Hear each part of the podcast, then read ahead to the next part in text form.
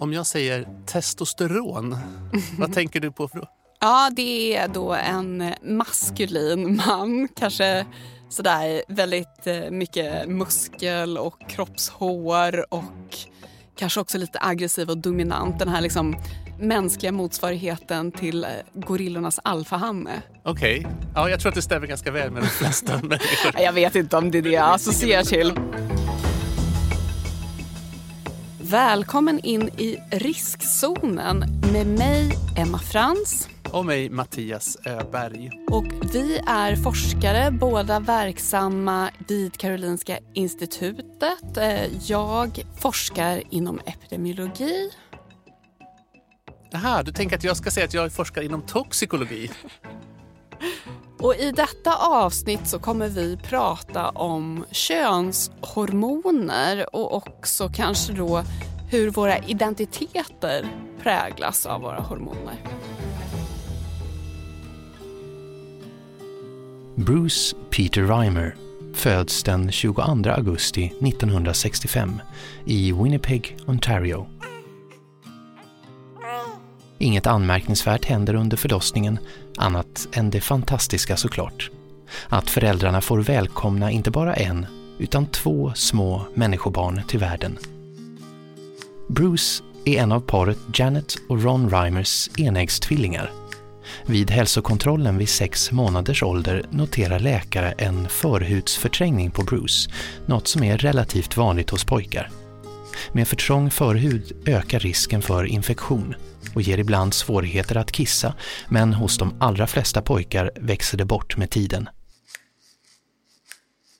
Trots det föreslår läkarna en omskärelse, vilket inte är något märkvärdigt i ett land som Kanada där majoriteten av alla män är omskurna vid den här tiden. Så våren 1966, när tvillingpojkarna är åtta månader gamla, är det dags för operation och Bruce är först ut. För att ta bort den lilla hudfliken kan man använda skalpell.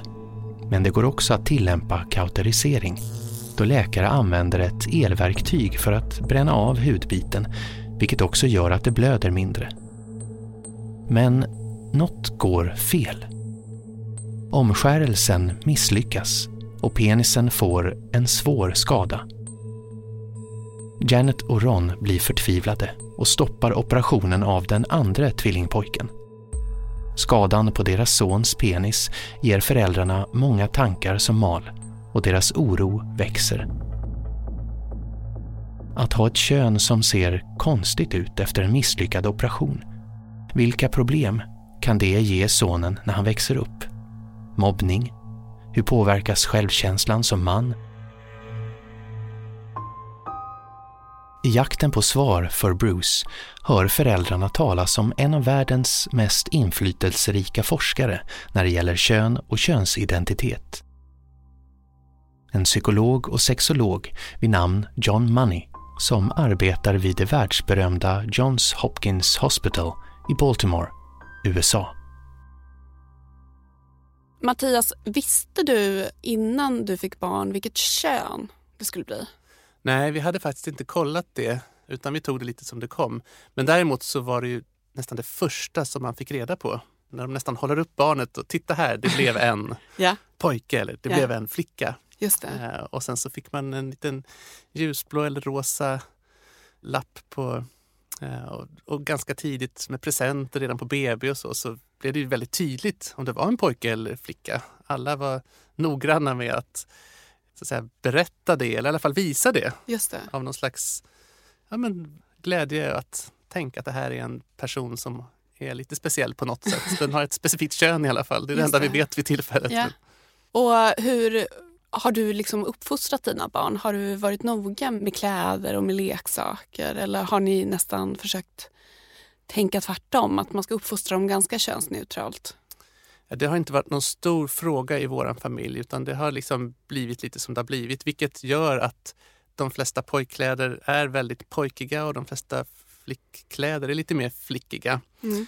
Däremot så har ju mina barn också haft perioder, jag har av båda sorterna hemma och det har varit perioder då han har haft liksom flera liksom velat ha klänningar och vara lika fin och pyntad som sina systrar och tvärtom att kunna få göra saker som kanske är lite mer killiga. Så att vi har lite grann låtit dem vara som de är och tror någonstans att de kommer att hitta sin, sin väg enklast på det sättet än att jag ska försöka liksom konstruera deras identitet. Mm. Nej, men jag har också en av varje. Eller du har två flickor och en mm. pojke. Mm. Men jag har en av varje och jag tror att för mig, jag fick ju en dotter först och för mig var det nog ändå liksom ganska noga att man inte skulle försöka prägla henne alldeles för mycket till att bli superflickig. Så att jag tror att vi ändå försökte köpa lite sådär könsneutrala leksaker och att Alltså tyckte jag i och för sig att hon var väldigt gullig i klänning, vilket hon då inte vill ha nu för tiden. Men jag tror ändå att det var något man tänkte på och sen så när det någon gång kom någon som hade liksom köpt något jätterosa eller glittrigt eller docka, att man nästan tyckte det var lite konstigt att man gjorde så. Men har det inte blivit lite också av en övre medelklassgrej att man ska ha de här lite dyrare, finare barnklädsmärkena som inte är så könsstereotypa? Jo, jag tror absolut att det där kan vara en klassfråga. Och, och just det där också när man skulle köpa presenter till kompisars barn så var det också ett sätt att signalera medvetenhet. Att man inte kom med en Barbie-docka för det kanske inte skulle varit helt okej. Okay.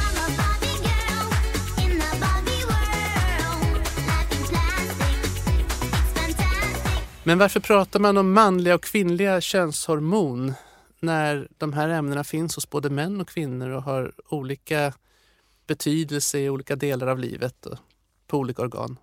Ja, alltså jag menar, precis som du säger så finns ju könshormoner hos båda könen men det finns ju ändå en tydlig variation i hur mycket man har. Och det här är ju också en förändring som man ser tydligt i puberteten. Samtidigt så är det ju också variation inom könen. Ja, för det styrs ju inte bara av vilka nivåer du har, det styrs också av hur cellerna så att säga, kan ta emot de här signalerna. Ja. Hur skulle du beskriva hormoner? Ja, men som en sorts signalmolekyl. Ja. Eller vad säger du? Ja, men jag brukar också beskriva det som någon typ av signal som kroppen använder för att tala om för celler i andra delar av systemet hur de ska utvecklas och differentiera. Så det blir som en ganska tydlig radioutsändning att nu kommer vi in i puberteten och då vet de olika celltyperna hur de ska växa eller inte växa. Och så. Men det finns ju andra, det är inte bara puberteten som könshormonerna är viktiga. Det är ju viktigt också under fosterutvecklingen. Just det. Jag har hållit ett seminarium på kursen i utvecklingspsykologi vid Karolinska institutet och det seminariet handlar om genus. Mm. Och en studie som vi brukar ta upp är en studie som man har gjort på flickor som har ett syndrom som kallas för CAH. Mm. Och det är en ärftlig sjukdom. Det är ett ärftligt tillstånd som orsakas av att det saknas ett enzym i binjuren. Och en av effekterna är ökad produktion av då hormoner som har androgen effekt redan i fosterstadiet. Och det här påverkar flickfoster på ett sätt som gör att deras yttre könsorgan kan utvecklas i manlig riktning. Att de får en ja, penis istället, de får en annorlunda... Alltså du vet kanske att, att liksom våra könsorgan ser ut likadana eh, från början och sen så bildas då de antingen till blygläppar eller till en pung. Och en klitoris kan då med andra typer av signaler bli då en penis. Och det är hormonerna som så här, så styr den här utvecklingen? Exakt, så det som händer här då är att man får en slidmynning som sluter sig så att yttre blygläpparna växer då ihop hos de här flickorna till något pungliknande och klitoris kan förstoras till en liten penis. Men sen då när de här barnen föds så går det här tillståndet att behandla med bland annat kortison. Och det här är någonting som man måste fortsätta. Den här behandlingen måste pågå över hela livet.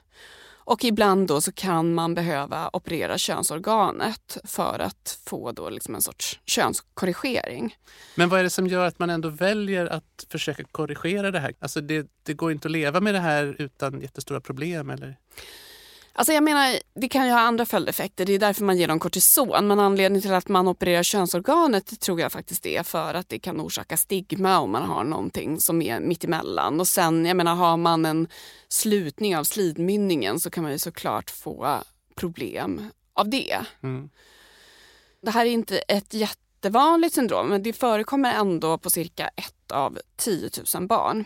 Det innebär att ungefär en handfull flickor per år. Ja.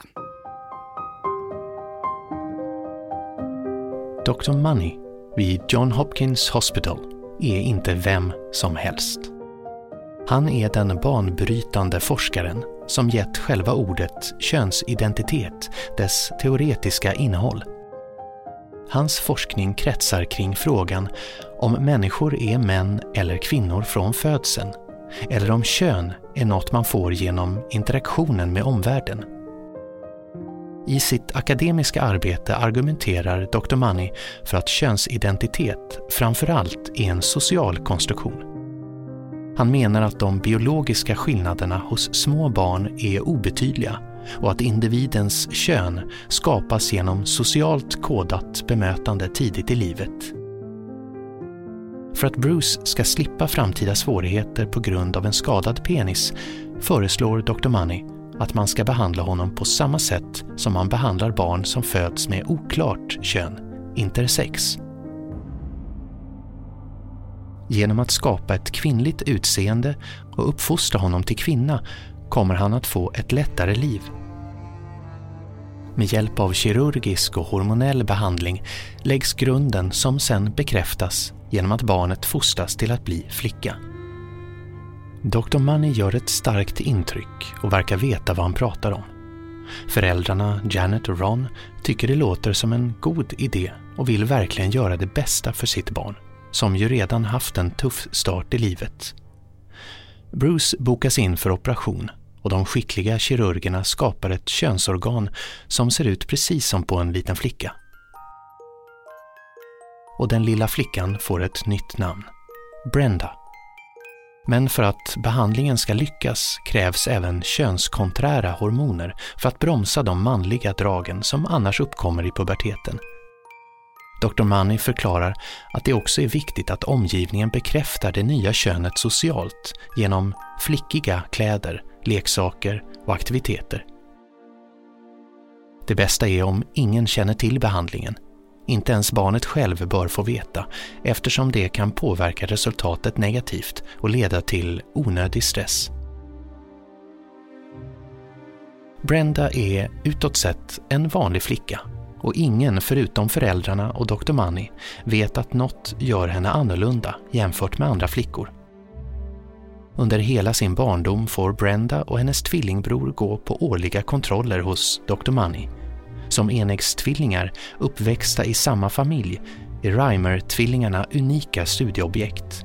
Bruce, som blivit Brenda, är det första dokumenterade fallet där könsbyte kunnat genomföras på en individ som fötts utan oklar könstillhörighet. Dessutom finns ju en kontrollperson, tvillingen, som delar hela det genetiska arvet och miljön. De två barnen blir det perfekta experimentet för att bevisa att teorin om att alla kön och könsidentitet är obestämt vid födseln och att det är något som skapas i interaktion med omgivningen under den tidiga uppväxten. För oss och det vi känner till nu för tiden så låter ju liksom den här tanken ganska befängd. Att kön bara är ett socialt konstrukt. Vad fick den här Dr. Money det här ifrån? Han hade börjat skriva ganska mycket om frågan som jag förstår det redan under liksom jobbat med det sedan 50-talet. Eh, men det här var väl lite grann när hans karriär fortfarande var i stigande. Men det var väl ändå såna, det blåste såna vindar att det var liksom en ganska modern och mm. radikal tanke på något sätt. Jag kan tänka mig att möjlighet, de kirurgiska möjligheterna plötsligt, alltså man hade lärt sig att det fanns det här med hormoner och yeah. man kunde liksom fixa saker på ett helt annat sätt. Och det var nog ganska nytt. Ja, men också att det här kanske var liksom en, nästan en feministisk tanke också. Just det där att, att man tidigare hade sett liksom män och kvinnor som liksom helt skilda från varandra. Ja, jag tror att han också blev väldigt uppskattad för sin, sina teorier och sin forskning där man visade vad det kunde betyda för, för de barnen som föddes just med någon typ av oklar könstillhörighet. Att man liksom opererade in dem i en box liksom, och såg att det kunde fungera bra. Och, så det var inte helt ogrundat på det sättet. Men samtidigt var nog lockelsen väldigt, väldigt stor hos den här forskaren att kunna få ett exempel med två stycken. Det blev också ett naturligt experiment för honom tror jag. Och jag har faktiskt pratat om det här med Stefan Arver. Han är överläkare och forskare vid Anova som är ett tvärvetenskapligt centrum vid Karolinska institutet och Karolinska universitetssjukhuset. De gör utredningar och behandlingar men driver också forskning inom olika områden. Adrenologi, sjukdomstillstånd i mannens fortplantningsorgan, sexualmedicin och transmedicin den här liksom David Raymer-historien, det är ju en fallrapport. Ja, men den fick väldigt stor, eller har väldigt stor betydelse, fick väldigt stor betydelse. Och det kom ju där i brytpunkten kan man väl säga mellan den psykodynamiska eh, världsbilden och en, eh, mer en behavioristisk över till en eh, liksom organizational till activation. Vad är det som bestämmer? Vad är det som gör att vi, när det gäller kön till exempel, att vi uppfattar oss på ett visst sätt? Vad är det som driver att vi har ett visst beteende? Varför tycker man om kvinnor eller varför tycker man om män? Och varför innebär det någonting som ger resonans i kroppen, i hjärnan, i tankarna? Hela det paketet så att säga och, och de här delarna. Och tankarna då, man kan väl säga så här, man, vill, man får ändå ge medicinskrået att i de flesta fall så handlar det om att man försöker göra någonting bra. Och ibland så har man missuppfattat underlaget för vad som blir bra. Så att det här var ju ett antagande och jag kan tänka mig att mycket av det som också levde kvar i vår handläggning av personer med svårigheter med bestämningar kön vid födseln, att det är lättare att kirurgiskt göra en vagina än att konstruera en penis. Så det kan man inte. Inte idag heller. Och då liksom såg man eh, väldigt genitalt fixerad tycker jag. Vad är liksom könsidentiteten? Och det här har ju inte gått ur än. Utan det finns en väldig genital fixering i hela begreppet eh, kön och könsidentitet. Det där har ju luckrats upp under senare år därför att man har liksom tillåtit sig ta in andra upplevelser och erfarenheten kring hur olika individer kan uppleva saker och ting eh, har vidgats. Ibland på goda grunder, ibland av grumliga skäl. Men jag undrar lite grann, hur kunde det komma sig att föräldrarna var så oroliga och att läkarna också såg det som så självklart att ett liv med en skadad penis är knappt värt att leva om man måste liksom till varje pris så att säga, undvika detta trauma. Ja, det är väl just det där kanske att på något sätt att det kan finnas ett stigma kring det. Men det känns ju ändå som att det är klart att det kan vara jobbigt kanske första gången som du ska ha sex och snoppen inte ser ut som den gör hos alla andra eller i yeah. duschrummet. Yeah. Eller att du kan få vad vet jag, problem med att kissa eller att det kanske finns den typen av mm. saker som kan dyka upp. Men det känns ju ändå som att de problemen borde vara lättare att hantera ja, än den här när de kommer. livslånga behandlingen, livslång lögn om vilket kön man föddes till. Och hormoner som påverkar inte bara könsutvecklingen utan även kanske andra delar av ens mentala utveckling. Och så. Ja, det låter lite drastiskt. Congenital adrenal hyperplasia, or CAH, is a genetic disease of the adrenal glands. Children with severe CAH face numerous challenges and require lifelong medical management. Men det som då är lite intressant är att man i forskningsstudier har kunnat studera de här flickorna som har CAH för att förstå lite mer kring hur sån här exponering för manligt könshormon i fosterstadiet påverkar deras beteenden. För det har ju varit väldigt mycket diskussioner kring huruvida kön är någonting som är socialt konstruerat eller om det faktiskt finns en medfödd typ av könsskillnad och hur mycket det här hur vi behandlar våra barn påverkar sen deras beteende framöver. Så att de här flickorna blir lite på något sätt som ett naturligt experiment. Så man har gjort en del forskning på den här typen av flickor med det här syndromet för att förstå det här lite mer. Mm. Bland annat så har man gjort en studie här i Sverige som jag tyckte var väldigt intressant som handlade om just det här med hur barn leker och vilka typer av yrken små barn är intresserade av. För att det här är ju någonting som man liksom på något sätt pratat mycket om. Just det här att pojkar de leker med bilar och de leker med traktorer. De vill bli brandmän och poliser. Medan flickor då leker med dockor och teserviser och så vill de bli dagisfröknar och vad vill de mer bli? Vad kan man tänka om jag, om jag bygger på liksom Ja, men fördomarna? Typiska vill- vårdyrken? Och, Ja, förr kanske de ville bli hemmafruar ja. i stor utsträckning. Och det där har man ju pratat om, liksom, är det där någonting ärftligt? Eller jag tror de flesta av oss kanske har trott att det här är ju bara rent socialt konstruerat kanske. Eller kanske att en flicka tittar på vad gör min mamma och blir inspirerad av det medan pojkar kanske då på något sätt fostras in att mer jämföra sig själva med papporna. Ja. Men i den här studien då så hade man 26 flickor som var mellan 2 och 10 år som hade då CAH, det här syndromet. Och man hade också 26 åldersmatchade flickor utan syndromet. Och flickor med syndromet de var mer intresserade av maskulina leksaker. Vad tror du maskulina leksaker är? Alltså bilar och traktorer och Exakt. skjutvapen. Och, Ja, jag vet inte om de hade skjutvapen men det de kanske hade, man inte får ha de hade actiongubbar, du vet såna här X-Men-gubbar. Ja.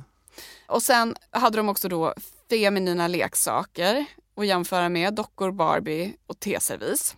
Det är så underbart att man verkligen så säga, får alla sina fördomar Jo, bekräftade. men precis. Man får väl liksom inse att det här var ju ett test för att verkligen testa de här liksom stereotypa bilderna Ja. som vi har. vad kom de fram till då? Flickorna med syndromet som hade blivit exponerade då för mer manligt könshormon i fosterstadiet, de var mer intresserade av de här maskulina leksakerna. De hade också oftare pojkar till lekkamrater. Och eh, de önskade sig oftare manligt kodade yrken när de blev stora. Och här då, det man definierade som manligt kodade, det var yrken som lastbilschaufför, byggarbetare, pilot och soldat.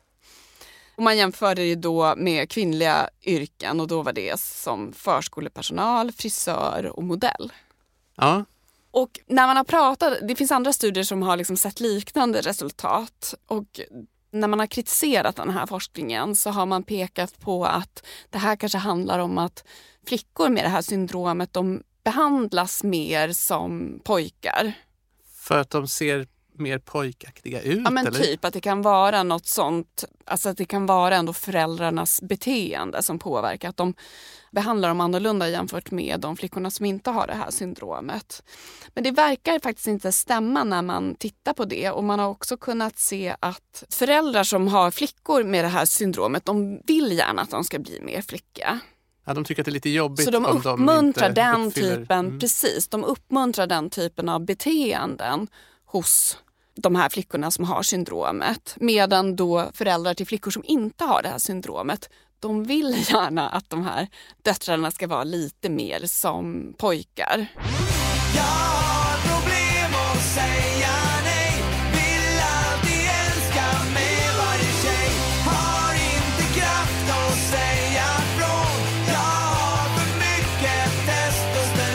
Jag läste för några år sedan en ganska tankeväckande studie som handlade just om det manliga könshormonet, om vi ska säga så, testosteron. Och där man ville se hur det påverkar människors beteende. Så låt mig testa en del av den här studien på dig utan att ta själva hormonet då. Försökspersonerna får alltså spela ett spel där en av försökspersonerna, låt oss säga att det är du, får 100 kronor. De här 100 kronorna ska du dela mellan dig och mig. Du får dela det hur du vill. Vi kan få 50 kronor var eller du kan ta 90 kronor själv och ge 10 till mig. Och vi får behålla pengarna, det är riktigt spel. Men jag har en, säga, en kontringsmöjlighet och det är att jag kan lägga in mitt veto och säga att nej, ingen av oss kommer få någonting. Jag accepterar inte budet och då blir det noll för båda. Just det. Hur skulle du fördela den här hundringen? Alltså du och jag är ju vänner. Så att vi har ju en relation som jag försöker vårda. Så jag skulle nog säga 50-50 faktiskt. I hopp om att vid ett annat tillfälle så kommer jag ge 50-50 tillbaka. Och så. Ja, eller liksom om du känner att du får en dålig deal så kanske det kan påverka vårt samarbete framöver. Okej, men om det är en okänd person som du vet att du kommer aldrig att behöva möta senare. Ja, men säg att jag ger 40-60 då. Ja. Och det är ganska vanligt att man landar någonstans här kring 50-50, lite förskjutet. Det som hände i den här studien var att man gav försökspersonerna antingen testosteron eller placebo. Ja. Och sen fick de spela det här spelet och så mätte man hur, vad ska man säga, hur egoistiska förslag de tog fram. Just det. Och, det Och vad vill- är mitt förslag då? Är det egoistiskt? Eller Nej, det men ditt på- förslag är ju väldigt eh, jämlikt. 50-50. 50-50 är det. Men... 40-60, ja men då börjar det glida lite grann. Men det är Ja. fortfarande åt det jämlika hållet. Okej. Men skulle du ha sagt 20-80, då hade man nog klassificerat det som ganska egoistiskt. Att du tar liksom 80 kronor själv och så är det en 20 till mig. Just det. Men det här spelet fick man spela under inflytande då av testosteron eller placebo. Varje spelomgång avslutas med att man frågade personer om de trodde att de hade fått placebo eller testosteron. Och då visade det sig att de som trodde att de hade fått testosteron, de spelade så att säga mer egoistiskt. De behöll en större summa själv. Medan de som i verkligheten hade fått testosteron, de tenderade att vara mer rättvisa i betydelsen att de oftare gav 50-50. Aha. Så det fanns liksom en dubbelt motstående samband där testosteronet ledde till en ökad känsla för jämlikhet och synen på om man trodde att man hade fått testosteron ledde till ökad egoism kan Så man väl det säga. är äkta eller falskt storkukslugn? Precis, äntligen har vi bevisat den vetenskapliga. Forskarna själva i den här studien de tolkade det som att testosteron ökar människors benägenhet att söka status. Och i den här typen av spel så är det faktiskt mer av storkukslugn, alltså status. Ja, det är det Att man kunna får vara äkta ganska- status av. Man är, ja, men tänk dig själv, om du går till en bar, någon bjuder dig på någonting, den vinner ju i status. Än om du ska stå där, nej du får bara en halv. Verkligen. Just det, verkligen. Man beundrar ju generösa människor. Och samtidigt så vet vi ju att aggressivitet är kopplat till testosteron och man har gjort en del undersökningar på manliga fängelsekunder bland annat och sett att de som har höga testosteronhalter ofta hamnar i trubbel. Det skulle ju också kunna tolkas som att i en sån miljö där våld är ett Just kapital det. så kan det också tendera att kanske dra lite extra åt det hållet. Så man kan ha olika strategier för att få status lite beroende på var man befinner sig. Det skulle kunna vara så. Så tolkade i alla fall de här forskarna i artikeln det hela. Och då är det ju hela förväntanseffekten som förstärks. Har man fått testosteron då ska man bli på ett visst sätt. Så det, det säger ju lite grann också om hur stark vår föreställningsvärld är i att påverka vårt beteende när vi får reda på att ja, men jag har ju fått alldeles för mycket testosteron, då ska jag biffa upp mig och vara taskig mot omgivningen. Och, så och så är det tvärtom. Det finns andra så här väldigt spektakulära experiment om man tittar på eh, testosteron och beteende. Till exempel tendensen att fuska som då minskar när man ökar testosteronnivåerna. Det experiment med, med tärningar. Om man slår en tärning så är det ju, om man slår tillräckligt många gånger så är det lika många ettor, tvåor, och treor, och fyror, femmor och sexor som man får. Så det är, statistiskt så blir det ju så. Men när man jämför de som inte har fått testosteron med de som har fått testosteron så är tendensen att få väldigt mycket sexer mycket större hos de som inte har fått testosteron. När de som får testosteron rapporterar mer ärligt vad de fick när ingen annan kan se det. det eh, Det är ett sånt här begrepp man kallar för storkukslugn eller på engelskan big dick energy. ja. Men man kanske ska prata om ett sorts stor testosteronlugn, att man på något sätt blir liksom trygg i sin manlighet eller sin person. Ja, och då gränsar vi över på verkliga effekter. Och det, det, där, det där är ju också någonting som har med testosteroneffekter att göra. Det gäller både män och kvinnor. Att om man tar bort testosteron så får man mycket större ångest och depressivitet och oro. Och tillför man testosteron så blir upplevelsen av omvärlden mycket ljusare. Man bryr sig inte så mycket om små eh, taffligheter i, i omgivningen och blir mindre depressiv och lugnare. Mindre av den här liksom ängsligheten. Och det har gjort studier på kvinnor också där man tittar på eh, var de är ute efter någonting helt annat. Men det visade sig att generellt sett så upplevde kvinnor som fick testosteron jämfört med de som fick placebo en större tillfredsställelse med tillvaron kort och gott. Så testosteron har ju då, kan man säga, en effekt på vår perception, på upplevelsen av hur bra vi mår eller hur bra det känns. Dr. Money skriver vetenskapliga artiklar som får stort genomslag. I forskningsartiklarna kallas tvillingarna Joanne och John för att inte avslöja deras riktiga identitet. De blir en vetenskaplig success story. Resultaten verkar visa att Dr. Moneys teorier stämmer. Brendas flickaktiga beteende står i skarp kontrast till tvillingbroderns pojkaktighet. Men hemma hos familjen Reimer är det något som skaver. När Brenda närmar sig tonåren vill hon inte längre gå till Dr. Moneys uppföljningar. I 13 års ålder hotar hon att ta livet av sig om föräldrarna tvingar henne att gå till Dr. Money fler gånger. Varför ska hon klä av sig inför främmande forskare? Varför måste hon ta hormoner när ingen av hennes vänner gör det? Frågorna och konflikterna blir allt fler hemma hos familjen Reimer. Så en dag, 1980, när Brenda är 15 år, berättar hennes pappa för första gången hemligheten om födelsen, om den misslyckade omskärelsen och om hormonbehandlingens verkliga orsak. Nyheten kommer som en chock. Men samtidigt faller bitarna på plats för Brenda.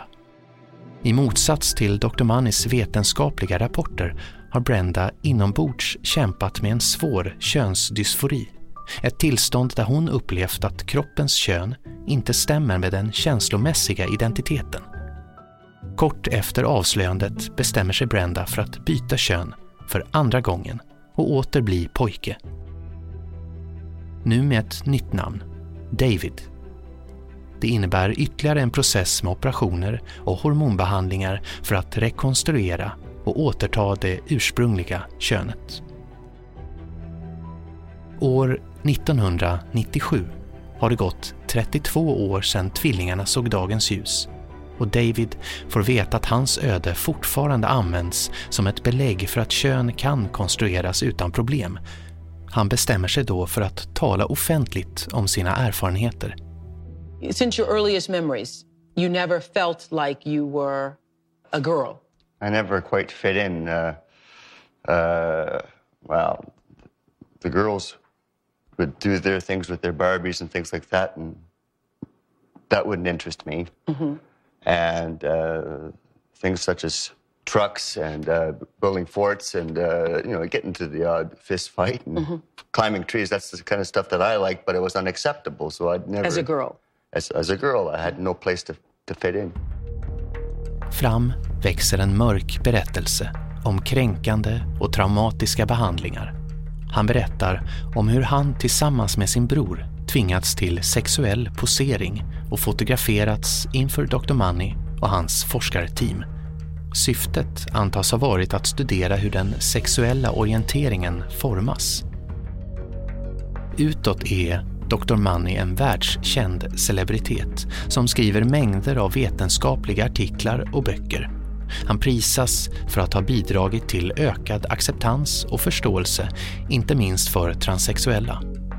Nu påstår plötsligt en av hans mest omtalade forskningsobjekt att såväl dokumentationen som resultaten är falska och att vissa av behandlingsmetoderna dessutom varit djupt kränkande och oetiska. Men trots att sanningen kommit fram och att David hittat en väg tillbaka till sin könsidentitet och bildat familj så plågas han av psykisk ohälsa. Det är belagt att han i tidiga 20-årsåldern försökte begå självmord två gånger. Davids liv kantas av äktenskapsproblem och svårigheter att få jobb. Det går inte att säkert veta att David Reimers psykiska ohälsa orsakas av de traumatiska behandlingarna och det hemliga könsbytet. David Reimers tvillingbror, lider även han av depression och drabbas av schizofreni. I juli 2002 dör brodern av en överdos av ett antidepressivt läkemedel. Två år efter det, 2004, berättar Davids fru att hon vill skiljas. Och två dagar senare, vid 38 års ålder, tar David Reimer sitt liv. The final chapters of David Reimer's latest book are left unfinished. His conflicted life cut short last week by a tragic suicide. Reimer's story made international headlines. He was the victim of a bizarre gender experiment, a boy forced to live his childhood as a girl. Mörk historia detta. Just det här med den psykiska sjukdomen tycker jag också är intressant. Hur svårt det kan vara. Det är klart att man väldigt lätt kopplar det här till den traumatiska uppväxten på något sätt och könsidentitets eh, och könsbyten av det. Men eh, samtidigt så vet vi ju sedan tidigare program i riskzonen också att just den typen av psykiatriska diagnoser har en väldigt stor ärftlighet. Precis, och hans tvillingbror, hans enäggsbror, hade ju faktiskt också psykiska problem. Så det är svårt att säga vad, vad det här självmordet berodde på såklart, men att det var väldigt tragiskt. Men samtidigt så känns det ju som det är ingenting som man kanske skulle lyfta fram som en framgångshistoria i alla fall.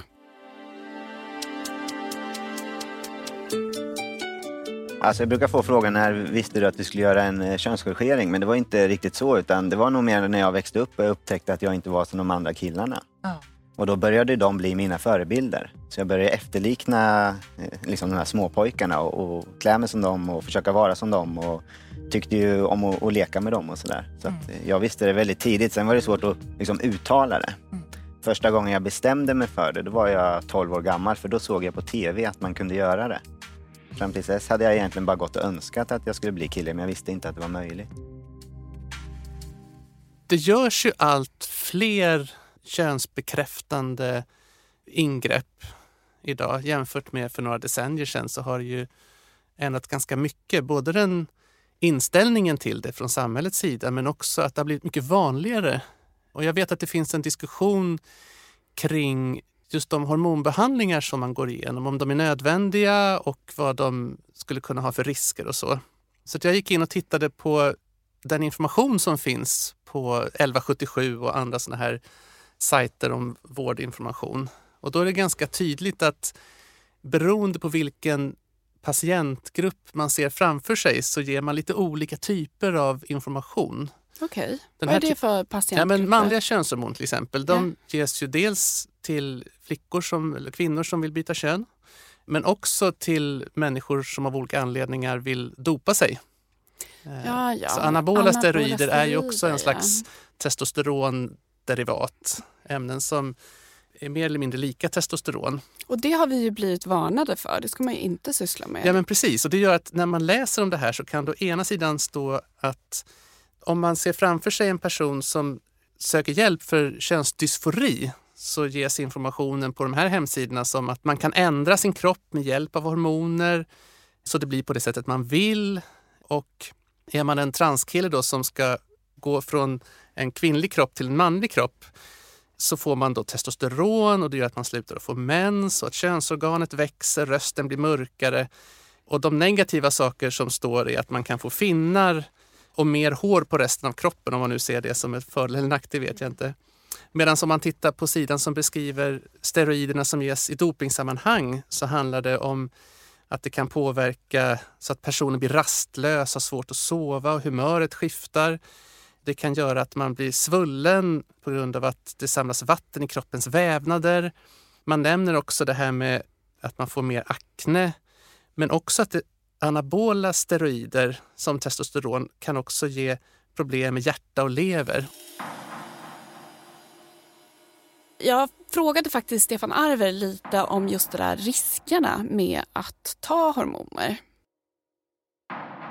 Har man exponerat sig för höga doser av anabola steroider så får man en skada på testiklarna. Så testiklarnas egen förmåga att långsiktigt bilda testosteron, den försämras.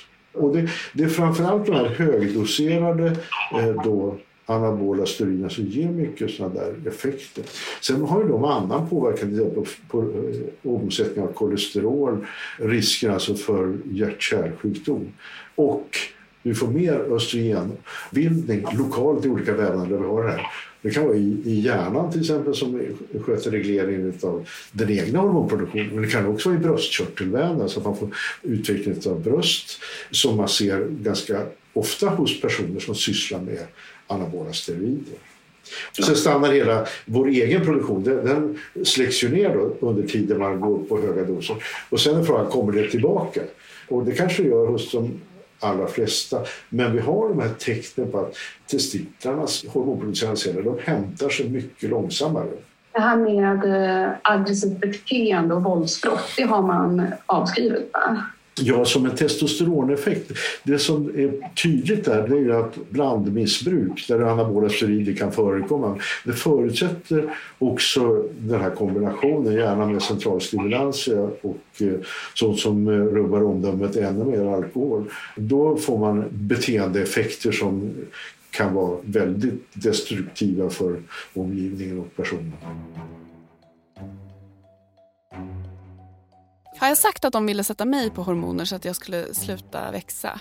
Nej. När jag var i tonåren så var det en skolsköterska som ville sätta mig på hormoner för att jag såg ut att bli 1,80. Och det tyckte hon var lite för långt för en flicka. Det är fascinerande den här, tycker jag, lite förenklade synen som man gärna har på hormoner. Att det är liksom, man pratar om gladhormoner eller manliga och kvinnliga hormoner. Det har även vi gjort. Det har även vi gjort, det är sant. Men inte så eh, utan förbehåll skulle jag säga. Nej, vi försöker lite nyansera i alla fall. Du har lyssnat på Riskzonen med mig, Emma Frans. Och mig, Mattias Öberg. Producent Klara Wallin och inläsare Peter Öberg. Och vi vill rikta ett stort tack till forskningsrådet Formas för att de hjälper oss med finansieringen. I nästa avsnitt av Riskzonen tittar vi på riskerna med sakerna vi lämnar efter oss, våra sopor och hur det gick till när en kriminell liga lurade till sig tonvis med giftigt kvicksilver som samlats in vid våra återvinningsstationer.